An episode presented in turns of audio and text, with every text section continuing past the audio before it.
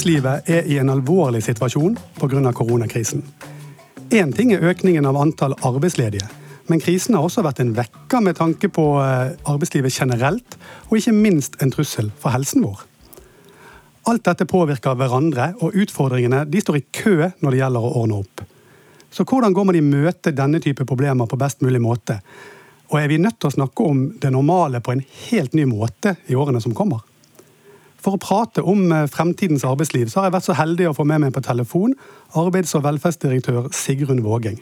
Veldig hyggelig Sigrun, at du er med oss eh, på telefon fra Oslo. Veldig hyggelig å være med i samtalen din, Cato. Mitt navn er Cato Lorenz, og du hører på På jobben. Podkasten som tar for seg det meste av det som skjer på en arbeidsplass. Ja, Sigrun. Går det fint uh, i hovedstaden? Er det Skinner solen like fint som her på Sørlandet, som jeg sitter? Ja, det gjør den. Den har gjort det i mange dager, og jeg skjønner den skal gjøre det et par dager til før regnet kommer. Uh, vi har det fint i direktoratet. Vi har, det, vi har travle tider. Det er veldig mye som skal ordnes før sommeren. Så fint og travelt tror jeg må oppsummere det til. Fint og travelt, ja. Nei, det tror jeg mange kan gjenkjenne seg i. Men du, Veldig hyggelig som sagt, å, å ha deg som gjest. og Bakteppet her er jo eh, mange grunner til at du er her. Du har enorm erfaring og, og kompetanse fra, fra, arbeidslivet fra norsk arbeidsliv i mange år. Og en annen ting er at I august så, så gir du deg som øverste leder i Nav. Eh, må jeg spørre deg, Hvordan er følelsene dine knyttet til det å, å tre tilbake? Ja, den er jo, den er jo litt sånn blandet. På den ene siden så vet jeg jo at mitt åremål i Nav det går ut, og da er det slutt i den jobben. Eh, og det har jeg visst fra jeg startet opp. Eh, så det er helt OK. Og når jeg sier at det er litt blandet, så er det også fordi det er litt rart. Eh, vi har jo hatt utfordringer og oppgaver helt, helt til innspurten på perioden min. Så jeg har hatt det travelt og har ikke hatt så veldig mye tid til å reflektere over noe annet enn at det er litt underlig. Men sånn er det. Jeg forholder meg greit til det. Jeg har hatt flotte år i Nav. Sånn skal vi se hva vi skal gjøre etter hvert. Ja, det blir, det blir spennende å, se. Men underlig, ja. Jeg biter meg merke i det. Men, men, men, du Sigrun, du har tidligere gjort mye mer enn å Du har, du har ikke bare ledet Nav, du har, du har, gjort mye i din karriere. det sa jeg innledningsvis. Du har vært bl.a. personalsjef ved Grand Hotell i dine yngre dager. Du har vært eh, direktør for, arbeidslivet i NHO. Du har vært administrerende direktør i KS. Og du har vært leder for Statens institutt for forbruksforskning. Det er veldig mye som går igjen her. Den røde tråden her er vel ledelse, og du har ledet mange mennesker opp gjennom din karriere. Og Da er det fristende i en podkast som denne, da, som snakker veldig mye om ledelse med både erfarne og kompetente mennesker. Hva mener du, Sigrun, er god ledelse?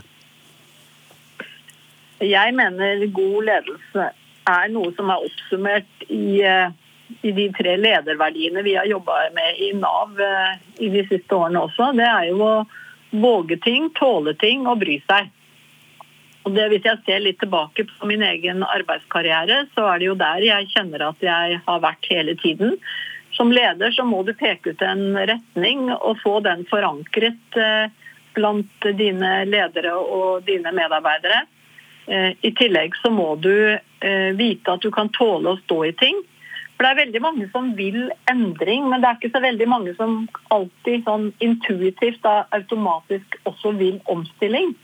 Eh, så du må tåle egentlig å stå det. Det siste det er jo det å bry seg.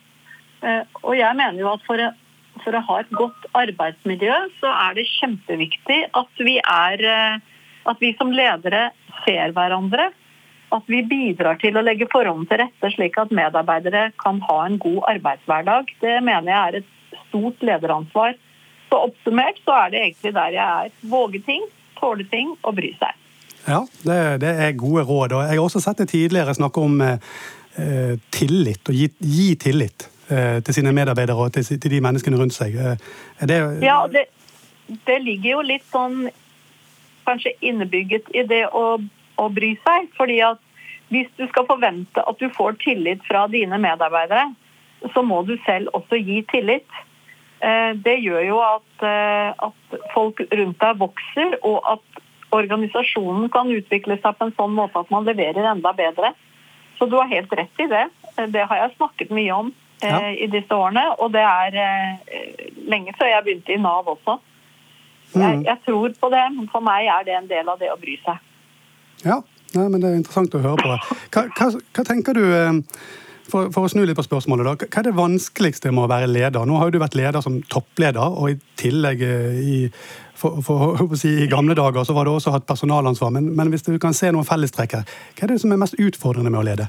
Ja, Fellestrekket er jo at, eh, at det å, å, å, være leder når du er på toppen eh, Eller det er kanskje litt feil å si at det er et fellestrekk, fordi det er litt forskjell. Når du er leder som mellomleder eller nummer to, eller hva du er, så har du alltid noen du kan lene deg på. Som toppleder så skal du egentlig være med å streke ut uh, veien noe selv. Og det å, å, å jobbe med det, det syns jeg at jeg har lært mye av de andre jobbene jeg har hatt. Og jeg ser jo at i arbeidslivet nå så er det jo noe med den lederrollen som utfordres. Uh, det vi har tenkt har vært god ledelse og måten å gjøre det på, blir kanskje litt annerledes fremover, fordi vi står oppe i annerledes tider enn det vi har gjort før. Ja, det, det, gjør vi absolutt. Eh, I Nav så har du vært leder for omtrent omtrentlig sånn ca. 19 000 mennesker, hvis jeg pluss minus. Eh, hvordan vil du oppsummere og det er selvfølgelig et stort spørsmål, men hvordan vil du oppsummere den erfaringen det har vært å være leder for en organisasjon som Nav, som er så stor? Det er Eh, det er i hvert fall en jobb når du går inn i den som du ikke ser rekkevidden av fullt ut før du har fått satt deg inn i hva jobben går ut på. Eh, og den er jo også basert på at du veldig tidlig skjønner at dette kan du ikke klare å være leder for hvis ikke du har gode folk rundt deg. At ikke du samarbeider godt med vernetjeneste og med tillitsvalgte. Så jeg, jeg tror nok at når du, når du har har såpass mange medarbeidere som jeg har, så, så må du være Du må være god på å delegere. Og du må stole på folk, ha tillit til at oppgavene blir gjort. Og Det har jo vært min erfaring i denne organisasjonen nå. Vi har jo jobbet mye med det å utvikle oss i de ulike rollene våre. Og jeg, jeg ser jo at vi er blitt bedre på det. Noe fordi vi har villet selv, og noe fordi vi har blitt tvunget til det av ytre omstendigheter, som f.eks. den situasjonen vi er oppe i om dagen nå med korona. Ja, Det er jo et veldig godt eksempel på noe som tvinger oss til å tenke annerledes. Eh, du, eh, eh, For å skifte litt ikke tema, men, litt retning. Erna Solberg, vår kjære statsminister, sa nylig på Høyres sentralstyremøte at vi er nå i en koronakrise. Eller vi går fra det som er en koronakrise, når, når helseutfordringene og de tingene på en måte roer seg litt, til å gå inn i en jobbkrise. Det var det hun sa. Og Det har du sikkert sett og, og hørt. Eh, er du enig i det at vi, vi, står foran en jobbkrise nå i Norge? Ja, jeg, jeg ville vel si at det er ikke bare vi står foran en jobbkrise, men vi er i det. For veldig fort så ble det jo sånn da landet stengte ned, eh, og vi gjorde jo det av helsehensyn. Og vi er fortsatt forsiktige med alt som har med smittevern og alt å gjøre. Men du kan si at så kraftige tiltak som ble satt i gang på helsesiden, det førte jo til at virksomheter stengte. At folk over natten mistet jobben sin, eh, ble permittert skjønte at livsgrunnlaget ble helt revet, eh, revet opp under dem. Eh, så vi i Nav har jo allerede merket det, at vi har hatt denne jobbkrisen. De to første ukene av denne, eh, denne perioden så, så vi jo at vi fikk inn søknader om dagpenger i en mengde som vi aldri under noen tidligere kriser har fått. At vi plutselig sto i den største ledigheten som vi har hatt siden andre verdenskrig. Og da er det jo Og det kommer jo bare til, til, å, til å være bildet framover også. Eh, jeg er jo veldig glad for at halvparten av de som har søkt dagpenger i Nav, de er nå tilbake i jobb. Det er en god ting. Absolutt. Eh, og det, det er noe å ta med seg at eh, det kan se mørkt ut fremover på, på mange områder, men, men, mye er jo også på bedringens vei. Men, men la oss ja, ja. Men det er det gode med det, ikke sant? at det er det. Men så kan du si at den, den, vanskelige tingen er jo at vi var jo godt i gang både med ungdomssatsing, med inkluderingsdugnad, for å få de som hadde dette såkalte hull i CV-en ut i arbeidslivet. Veldig mange av de er jo tilbake i ledighetskøen og står der og venter på å jobbe og strever for å få seg en jobb, på lik linje med mange som aldri hadde tenkt at de skulle stå i den køen. Så for Nav fremover nå så blir jo det den største utfordringen. Hvordan skal vi bidra på riktig måte, sånn at folk fortest mulig kommer seg tilbake til jobb?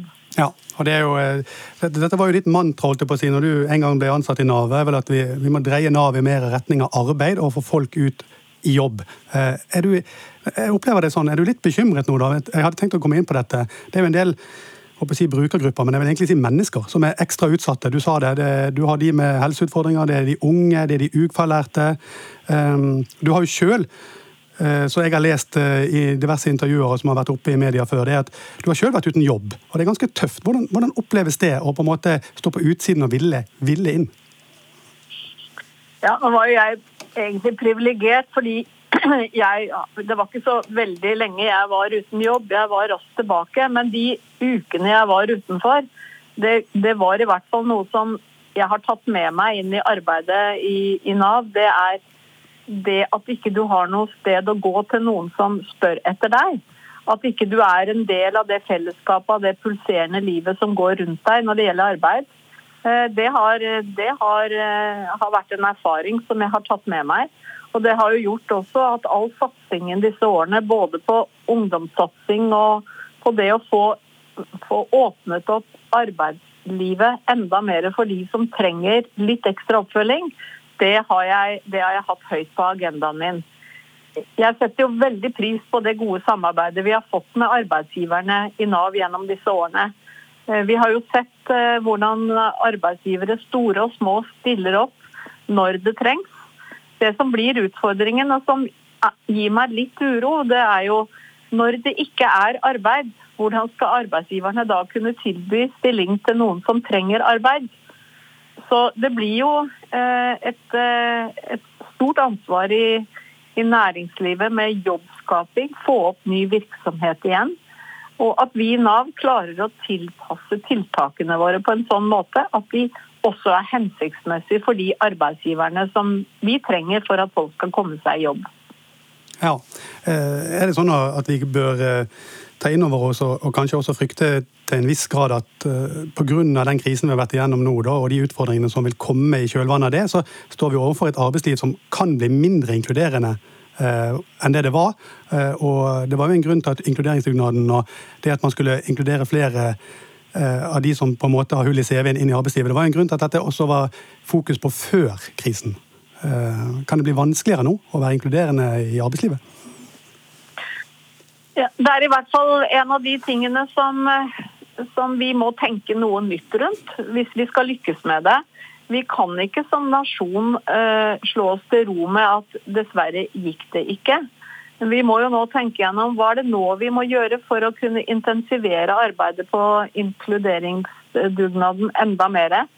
Uh, hvordan skal vi legge til rette for det?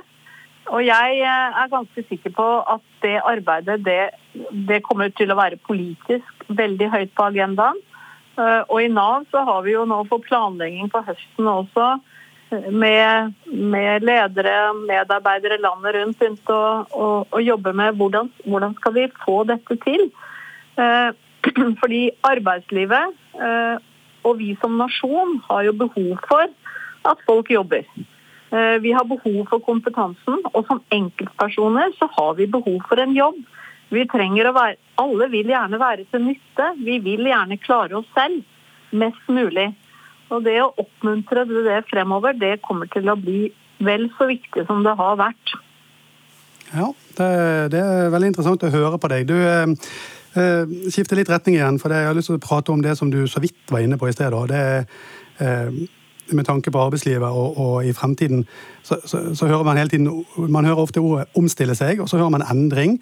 Eh, og, og, at dette er nødvendig, og det er bare noe vi må, må lære oss. Og hva tenker du egentlig blir eh, arbeidslivets viktigste omstillingsutfordring i, i fremtiden? Hvor er det vi på en måte må sette inn eh, trykket?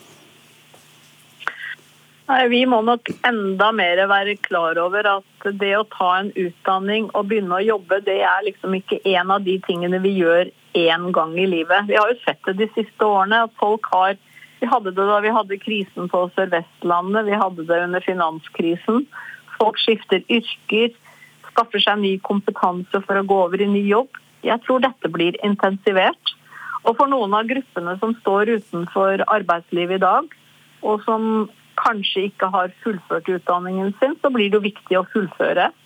Eh, det kan bli en, en, diskusjon om hvorvidt vi bør legge enda mer vekt på kompetanse før vi sender folk ut i jobb, også gjennom tiltakene i Nav. Eh, og jeg tror vi må være forberedt på at vi må skifte litt yrker også opp gjennom eh, arbeidslivet vårt. Det, det har vi vært vant til før, men jeg, jeg ser at det blir enda mer klart for oss nå. Når vi ser at store bransjer ikke er det det eh, Eller blir det i fremtiden som det har vært. Du kan jo ta, ta alle som har vært ansatt i et flyselskap. Eh, man skal jo ikke nødvendigvis eh, være så veldig veldig Eller man skal, ikke, man skal ikke ta så mye feil, tror jeg, når man sier at fremover nå så vil det ikke være jobber til alle i flyselskapene sånn som det har vært før. Reiseliv endrer seg, varehandel endrer seg, industrien endrer seg. Eh, og vi ser at veldig mange store bedrifter nå sier at vi må regne med at det blir færre jobber vi kan tilby fremover. Og Da er det jo om å gjøre at vi kan tenke gjennom hvis ikke vi kan gjøre det ene, hva kan vi da gjøre? Hvordan skal vi jobbe med kompetansen? Så for Nav eh, fremover i et tøft arbeidsmarked, så blir nok også det å være med å bidra til at folk får kvalifikasjoner, en viktig, en viktig jobb.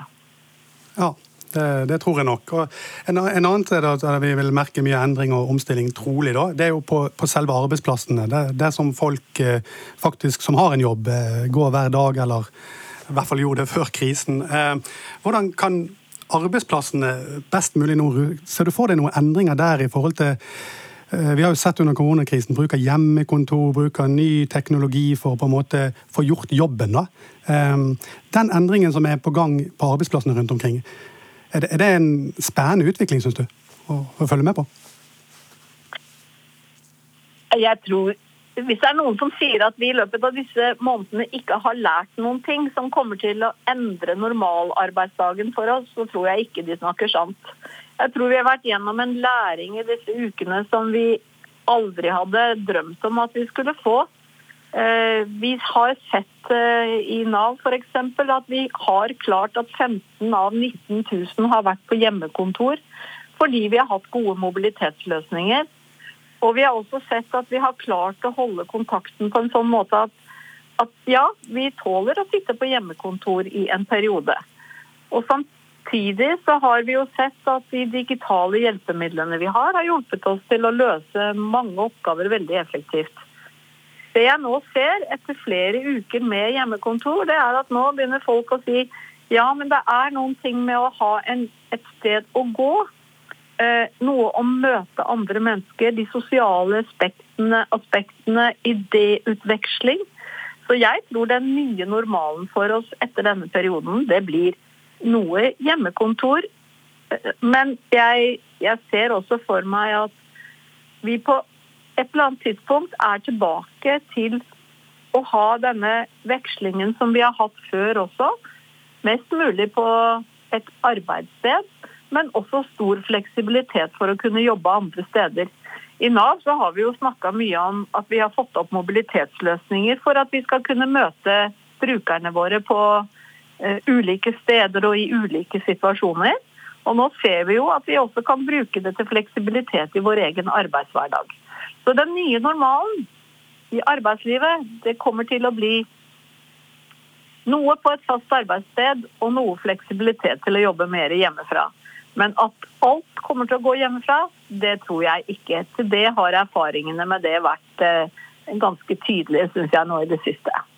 Ja, jeg ser det. Det er noen eh, arbeidsgivere som går høyt ut og, og snakker om det, og det blir jo spennende å følge med de som vil praktisere det helt fritt. Men, men, jeg tenker på, at du snakker om nye måter å løse oppgavene på, nye steder å løse de på. Eh, det er jo en utvikling som er både spennende og, og ny. Eh, og dermed så Eh, all utvikling på arbeidsplassene vi har ofte snakk om en sånn typisk resultat av et samarbeid. Eh, og Vi har snakket mye om samarbeid mellom arbeidstaker og arbeidsgiver i denne podkasten. Jeg hadde nylig en eh, samtale med direktør for Statens arbeidsmiljøinstitutt, Pål Molander, og jeg har pratet med seniorforsker Lisbeth Øyum oppe på Sintef. og De legger vekt på en del ting nå for å møte den utviklingen som skjer, og de nye måtene å tenke på. Så blir partssamarbeidet på arbeidsplassene ekstremt mye mer viktig. Er du enig i det? Og, og hva betyr partssamarbeidet for deg? Jeg har jo vært en del av partssamarbeidet selv i mange år. Og jeg, jeg må si at er det noe norsk arbeidsliv skal være veldig takknemlig for, så er det at vi har klart opp gjennom årene å utvikle et godt trepartssamarbeid. Samarbeid mellom partene på arbeidsplassene, mellom organisasjonene, men også samarbeidet med, med, med politikerne. Fordi vi har jo I alt vi har holdt på med den siste tiden nå, så har det vært gode diskusjoner som har ført til politiske initiativ.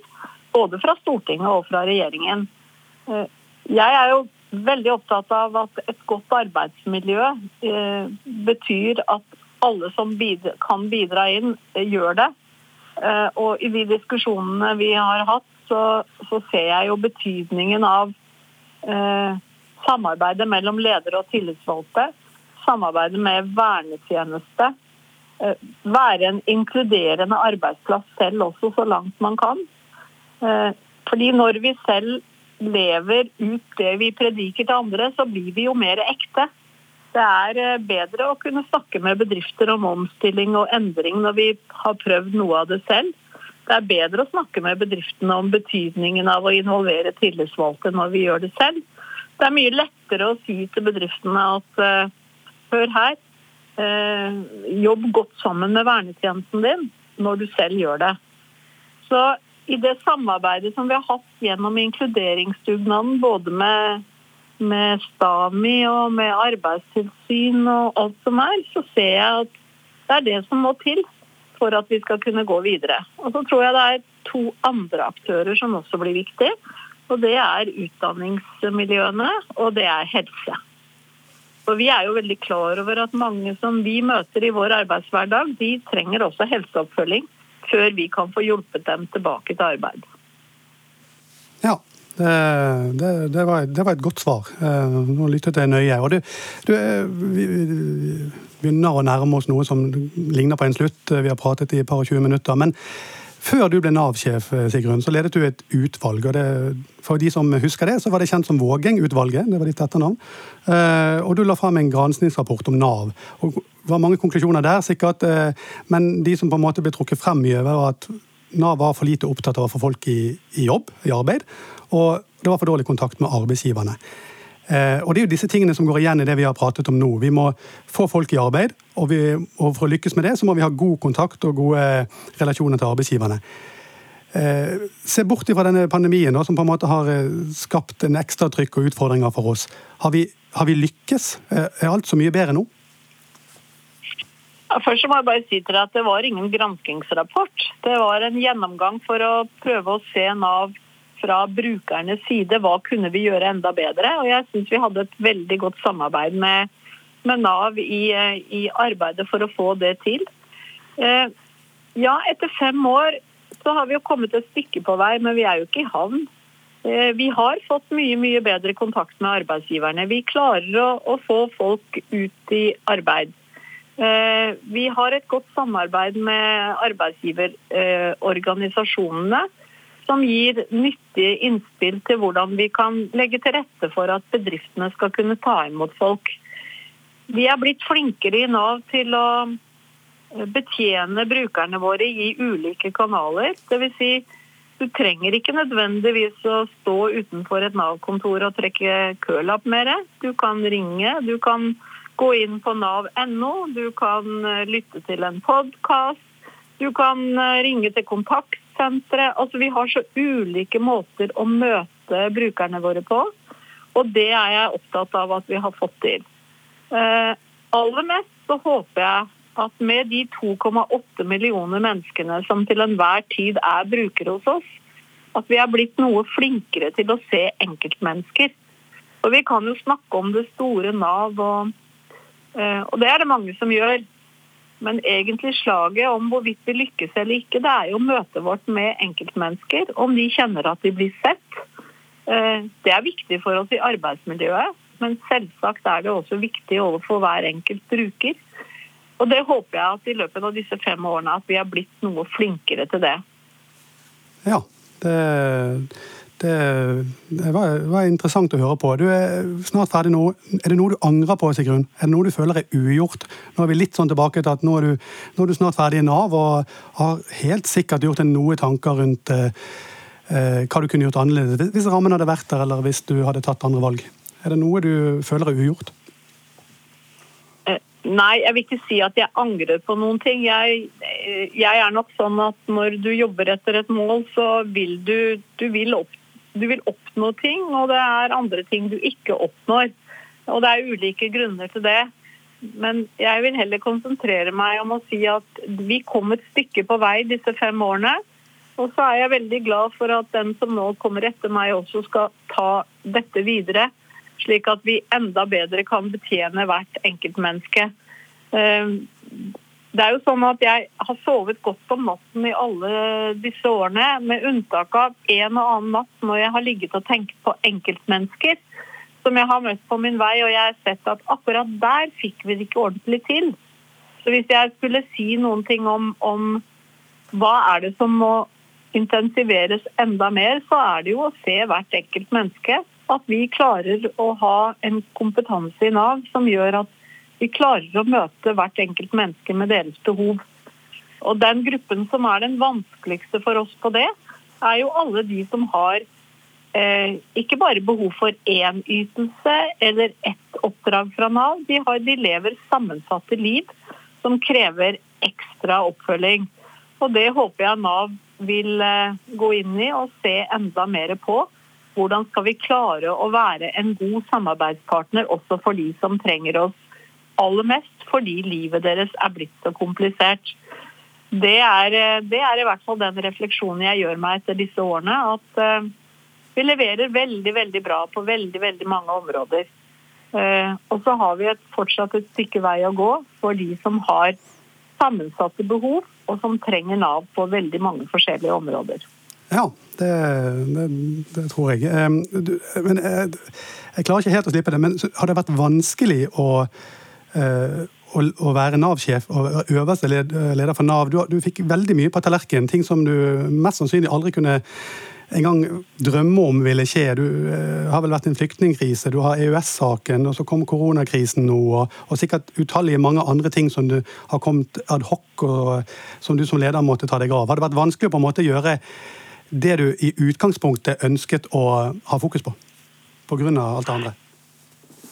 Jeg synes De fire første årene jeg var her, så syns jeg vi fikk gjort uh, veldig mye av det som uh, vi ble bedt av regjeringen om å gjøre òg. Vi må jo huske at Stortingsmelding 33, som har handlet om egentlig det vi har jobbet med de siste årene, nærmere arbeidsmarkedet, få flere inn i jobb, bli, bli bedre i forvaltningen. Jeg syns vi jobbet veldig godt med det.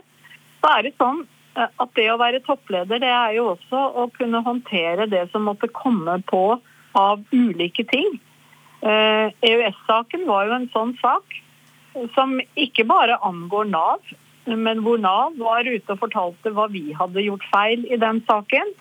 Eh, det som var vanskelig med den, var jo å vite at enkeltmennesker, pga. at vi hadde anmeldt at politiet hadde, hadde, sendt saken videre til domstoler, at dommerne hadde dømt, eh, så var folk havnet i fengsel. Det var jo en vanskelig sak å håndtere. Når det gjelder eh, utfordringen med korona, så er, jo, er det jo ikke Nav som har krise på det. Det er, det er jo nasjonen Norge vi står oppe i et stort alvor alle sammen. Og det å være med å bidra inn på best mulig måte på det, det er jo et topplederansvar når vi står i en, en sånn situasjon som vi gjør nå.